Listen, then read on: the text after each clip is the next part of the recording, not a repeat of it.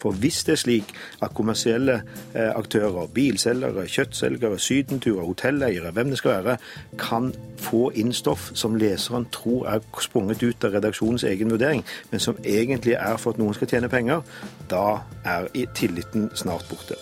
Eh, journalister skal holde seg langt unna å produsere den type stoff. Og det, det er ikke bare i Eh, når det publiseres at det må være et klart skille mellom dette. Det må også være et skille i redaksjonene. Det er viktig å følge noen etiske retningslinjer for hvordan dette gjøres, sånn at leserne vet hva som er uavhengig journalistikk, eh, som eh, bare er dirigert av hva redaksjonen syns det er viktig å skrive om, og hva som er markedsføring, som utelukkende er dirigert av hva som kan selge produkter. Kurer.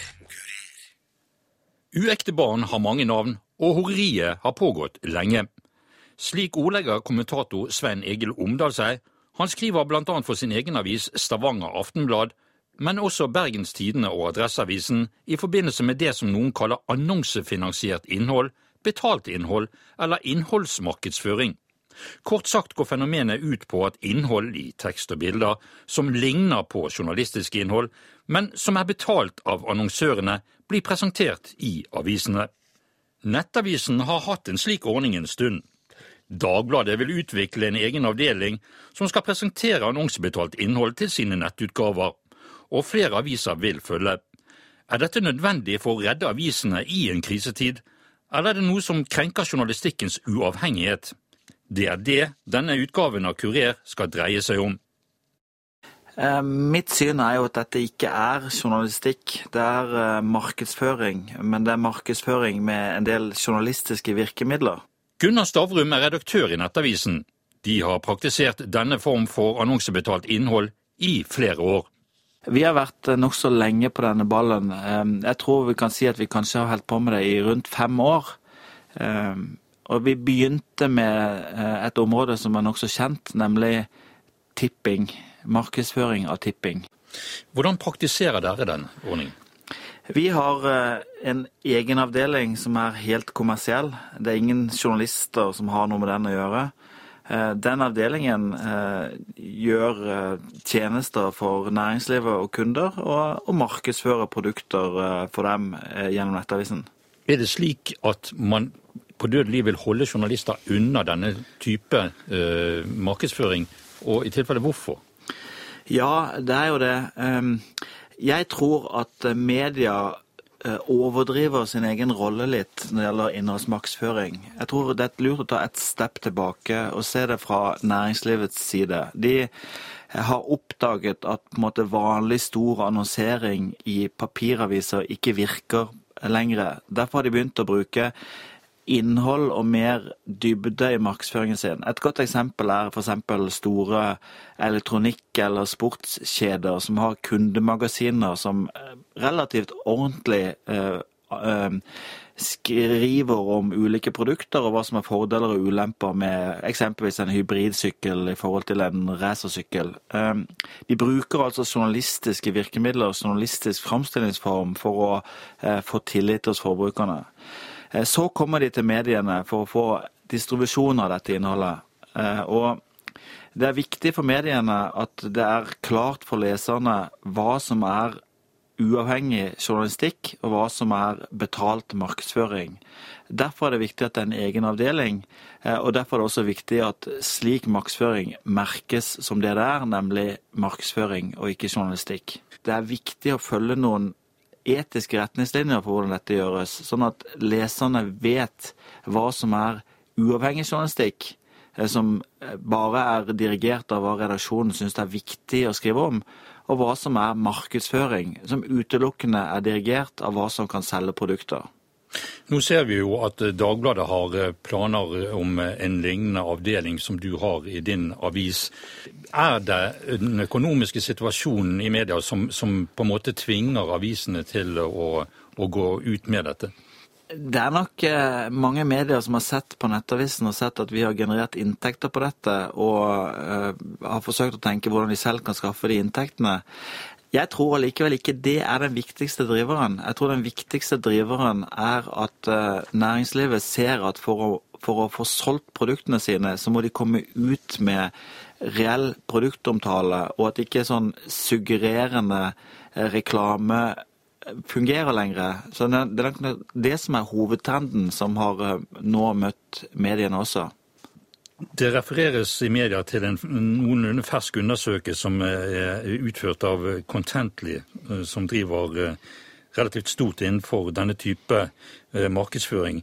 Den viser at færre enn halvparten av leserne forstår hva sponset innhold betyr. Dette relaterer man jo til merking av disse artiklene. Til gjengjeld sa 60% av de som skjønte begrepet, at de ikke ønsket en slik sammenblanding av eh, artikler som er produsert for å, å, å markere spesielle produkter og det redaksjonelle innholdet.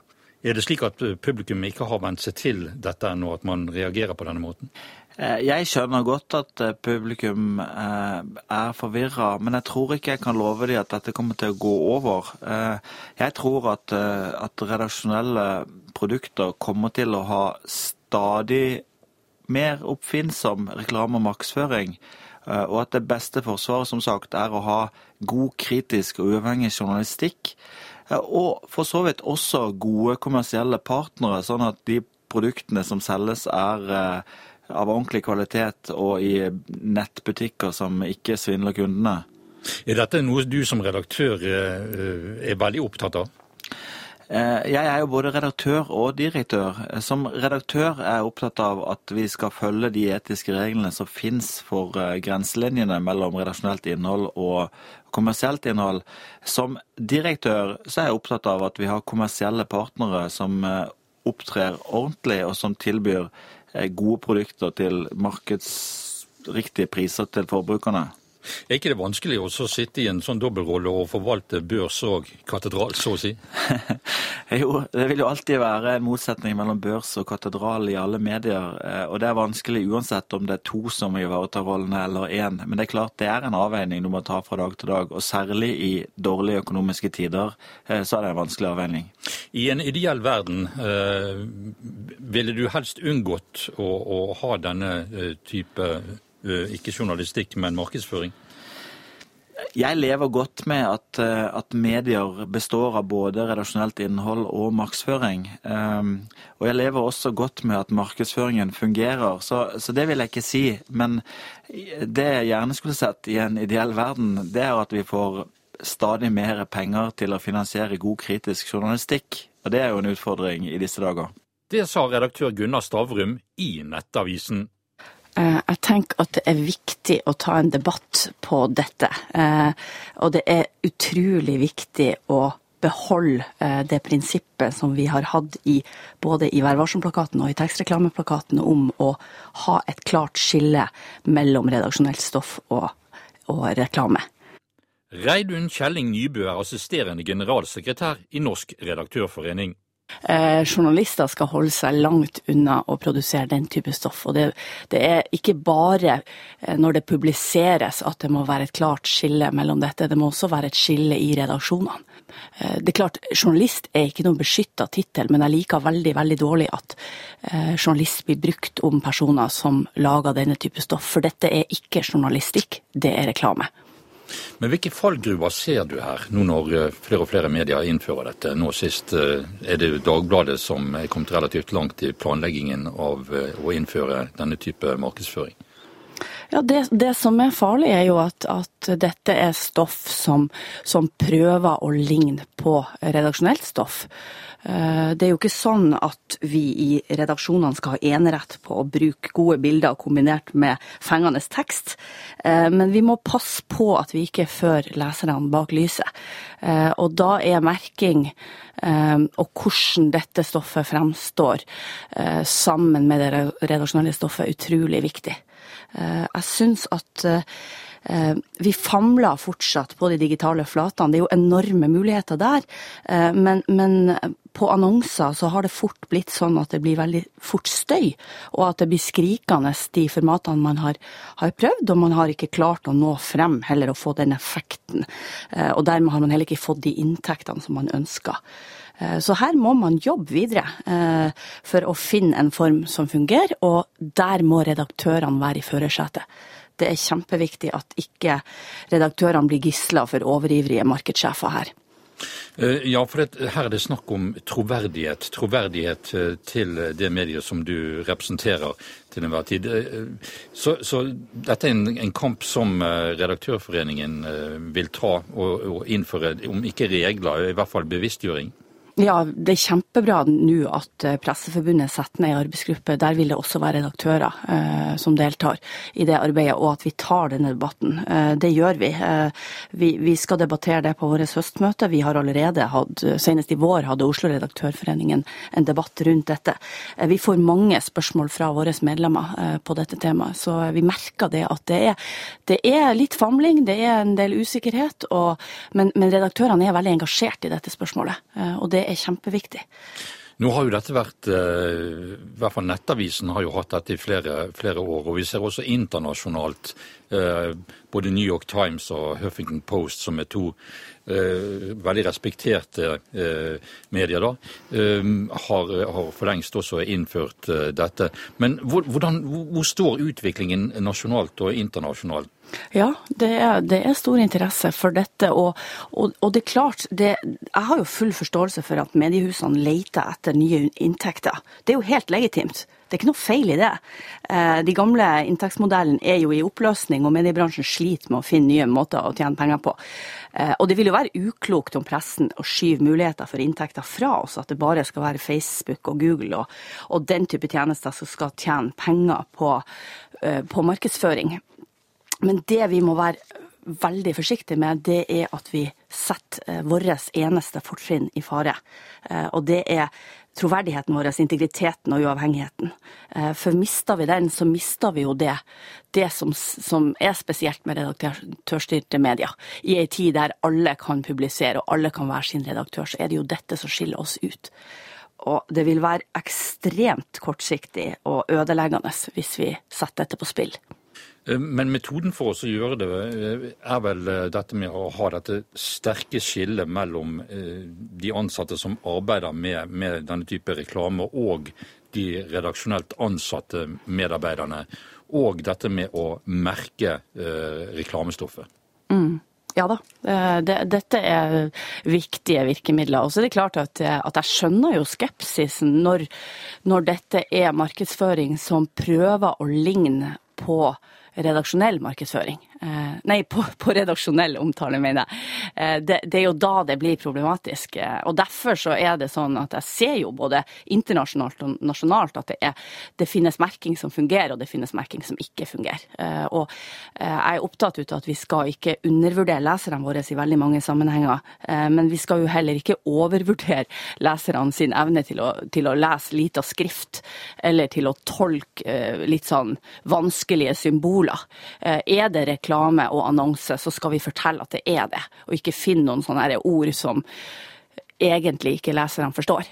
Det skal være helt tydelig hva dette er. Sa Reidun Kjelling Nybø, assisterende generalsekretær i Norsk redaktørforening. Kurer. NRK P2. Torstein Vattum er kommentator i Aftenposten og har engasjert seg i temaet. Jeg konstaterer at dette er et eh, fenomen som eh, brer om seg. Vi har vel eh, foreløpig ikke sett veldig mye av det i norske medier, men, eh, men, eh, Nettavisen har, så vidt jeg vet, holdt på med dette i flere år, fem år eller noe i den dur. Og Dagbladet har jo nå da varslet at de er i gang med en, en tilsvarende måte å selge seg inn på. Um er dette med, eller Kan det svekke troverdigheten eh, til norsk presse at, man, eh, at det ser ut til å øke på dette? Eh, det kan det, men det avhenger etter mitt skjønn veldig mye av hvor tydelige vi som, som medier er når vi publiserer content marketing. Det, det, handler om å merke disse, disse tekstene tydelig, slik at publikum, leserne, ikke er i tvil om at dette er betalt, betalte tekster eh, versus den uavhengige journalistikken. Dette, disse, disse, tekstene står jo Gjerne side ved side, og for et utrent øye så kan det være vanskelig å skille hva som er hva. Det er, det er etter min eh, mening problemet her. Eh, nå har jo ikke dette vært diskutert så mye. Din avis eh, har jo absolutt satt fokus på dette. Men hva, hvordan ligger bevisstheten hos, hos, redaktørene? Er den stor nok til å unngå etiske problemer med det ved ikke å merke denne type stoff? Eh, bevisstheten er, eh, er, stor nok. Eh, dette er temaer vi snakker om, ikke daglig, men ofte på våre evalueringer. Og at vi da tidvis kan snuble i praksis, er så, men, men vi jobber ganske systematisk med å bevisstgjøre alle ledd i, i redaksjonen. Det er i hvert fall min opplevelse av det. Um Norsk redaktørforening, har de uh, ytret seg i denne uh, saken? Uh, ja, de har så vidt jeg vet hatt temaet oppe til behandling i, i våres på et av sine møter. Og jeg har selv i en kommentar i Aftenposten nylig utfordret Redaktørforeningen til å la dette bli et toneangivende tema når de har sitt store høstmøte om få uker. Og det regner jeg med at de vil, eh, vil, gjøre, faktisk. For det er et såpass, eh, såpass tungt tema som, eh, som heller ikke redaktørene kan unnlate å ta tak i. Eller nettopp dem bør ta tak i det. Nå blir jo det understreket at uh, fra de som har innført dette, at uh, denne type content marketing ikke er journalistikk. Det er rett og slett markedsføring for uh, Betyr det at det er en god inntektskilde for, for de mediene som har innført dette? Definitivt. Hele annonsemarkedet er jo i en dramatisk omskiftning. De tradisjonelle annonsene de uteblir. For det første så uteblir de eh, i stor grad i, i avisene. De går i retning av digitale medier. Dessuten så er annonsørene nå mer og mer opptatt av å få sine, sitt budskap eh, markedsført i en tekst som til forveksling kan ligne en, eh, en eh, journalistisk uavhengig tekst for selvfølgelig å trekke lesere til teksten i den tro umiddelbart at dette er eh, redaksjonelt stoff. Den illusjonen forsvinner jo når man, hvis man da tydelig merker dette eh, som, som, eh, som, betalt stoff. Ja, det, det, gjør det. Men det her problemet kan ligge hvis ikke begge parter er bevisst fallgruben. Jeg har jo selv skrevet om et eksempel fra New York Times, hvor en uh, artikkel uh, om kvinner i uh, amerikanske fengsler ble, ble da tilsynelatende publisert som en, en, journalistisk tekst. Med nærmere ettersyn så var jo dette da en betalt tekst med en merket med en bitte liten skrift øverst i teksten. Du måtte nesten sitte med lupe for å finne merkingen. Og det er, eh, illustrerer ganske godt problemet, etter mitt skjønn. Men hvem stiller premissene her for, eh, for, for, for tydelig merking? Er det, er det avisene selv, eller er det disse som vil markedsføre via denne type stoff? Eh, ansvaret ligger på, på vår side som medier å påse at det blir behørig merket. Om ikke, om ikke eh, leverandørene i utgangspunktet har eh, tydeliggjort det, så bør vi påse at før vi publiserer, at det er en, en, en tydelig merking. Eh, det er vel det jeg kan si om det. Hva så med din egen avis, Aftenposten? Foreligger det konkrete planer for at også dere skal innføre denne type content marketing? Ikke konkrete planer meg bekjent, men eh, vi, vi, har jo signalisert at dette er en type eh, markedsføring, annonseformidling eh, om du vil, som, som, nok vil komme i stadig større grad. Så får vi eh, ta stilling til, til dette fra, fra sak til sak, fra tekst til tekst. Eh, og gjøre det så skikkelig og rydde som eh, vi kan. Jeg gjentar, annonsemarkedet er i en så dramatisk endring at skal vi være med i, eh, i kampen om kroner fra annonsører, så må vi nok eh, åpne våre, våre spalter og digitale plattformer også for denne type annonsering. Sa kommentator i Aftenposten Torstein Vattum. Thomas Spence er leder i Norsk Journalistlag, som organiserer 9500 journalister. Vi skal stille oss slik at vi opprettholder det som har vært en faneparagraf for eh, norsk mediebransje i mange, mange år. At vi skal opprettholde et klart og tydelig skille mellom det som er betalt annonse, markedsføring, PR for kommersielle produkter, for politikk, for hva det skal være, og uavhengig journalistikk som springer ut fra egne journalistisk motiverte eh, eh, motiv, altså. Dette er jo økonomisk basert, som du sier, i en tid hvor det er kommet forslag om nedskjæring av eh, pressestøtte, hvor eh, reklamemarkedet så å si er kollapset, og hvor man er på jakt etter inntekt, mer eller mindre desperat i avishusene. Hvilke fallgruber føler du at det er i forhold til, til dette? Og Det er en veldig korrekt beskrivelse du gir. Vi har to ting som skjer nå. Det ene er ganske desperate eiere, direktører og redaktører som leter etter nye inntektskilder. Og det støtter vi det i. Vi er nødt til å finne nye inntektskilder for at journalistikken skal overleve. Og på den andre siden så får vi nye, men også farlige muligheter for annonsering, og hvor, dette, eh, hvor grensene presses, og hvor både annonsører og av og til også dessverre direktører ønsker å utviske skillet mellom det uavhengige redaksjonelle og det betalte kommersielle innholdet. Så fallgruven her er én, og det er at mediene sager over sin egen gren, den man sitter på. Og det er uavhengigheten til alle interesser, politisk, kommersielle eller andre.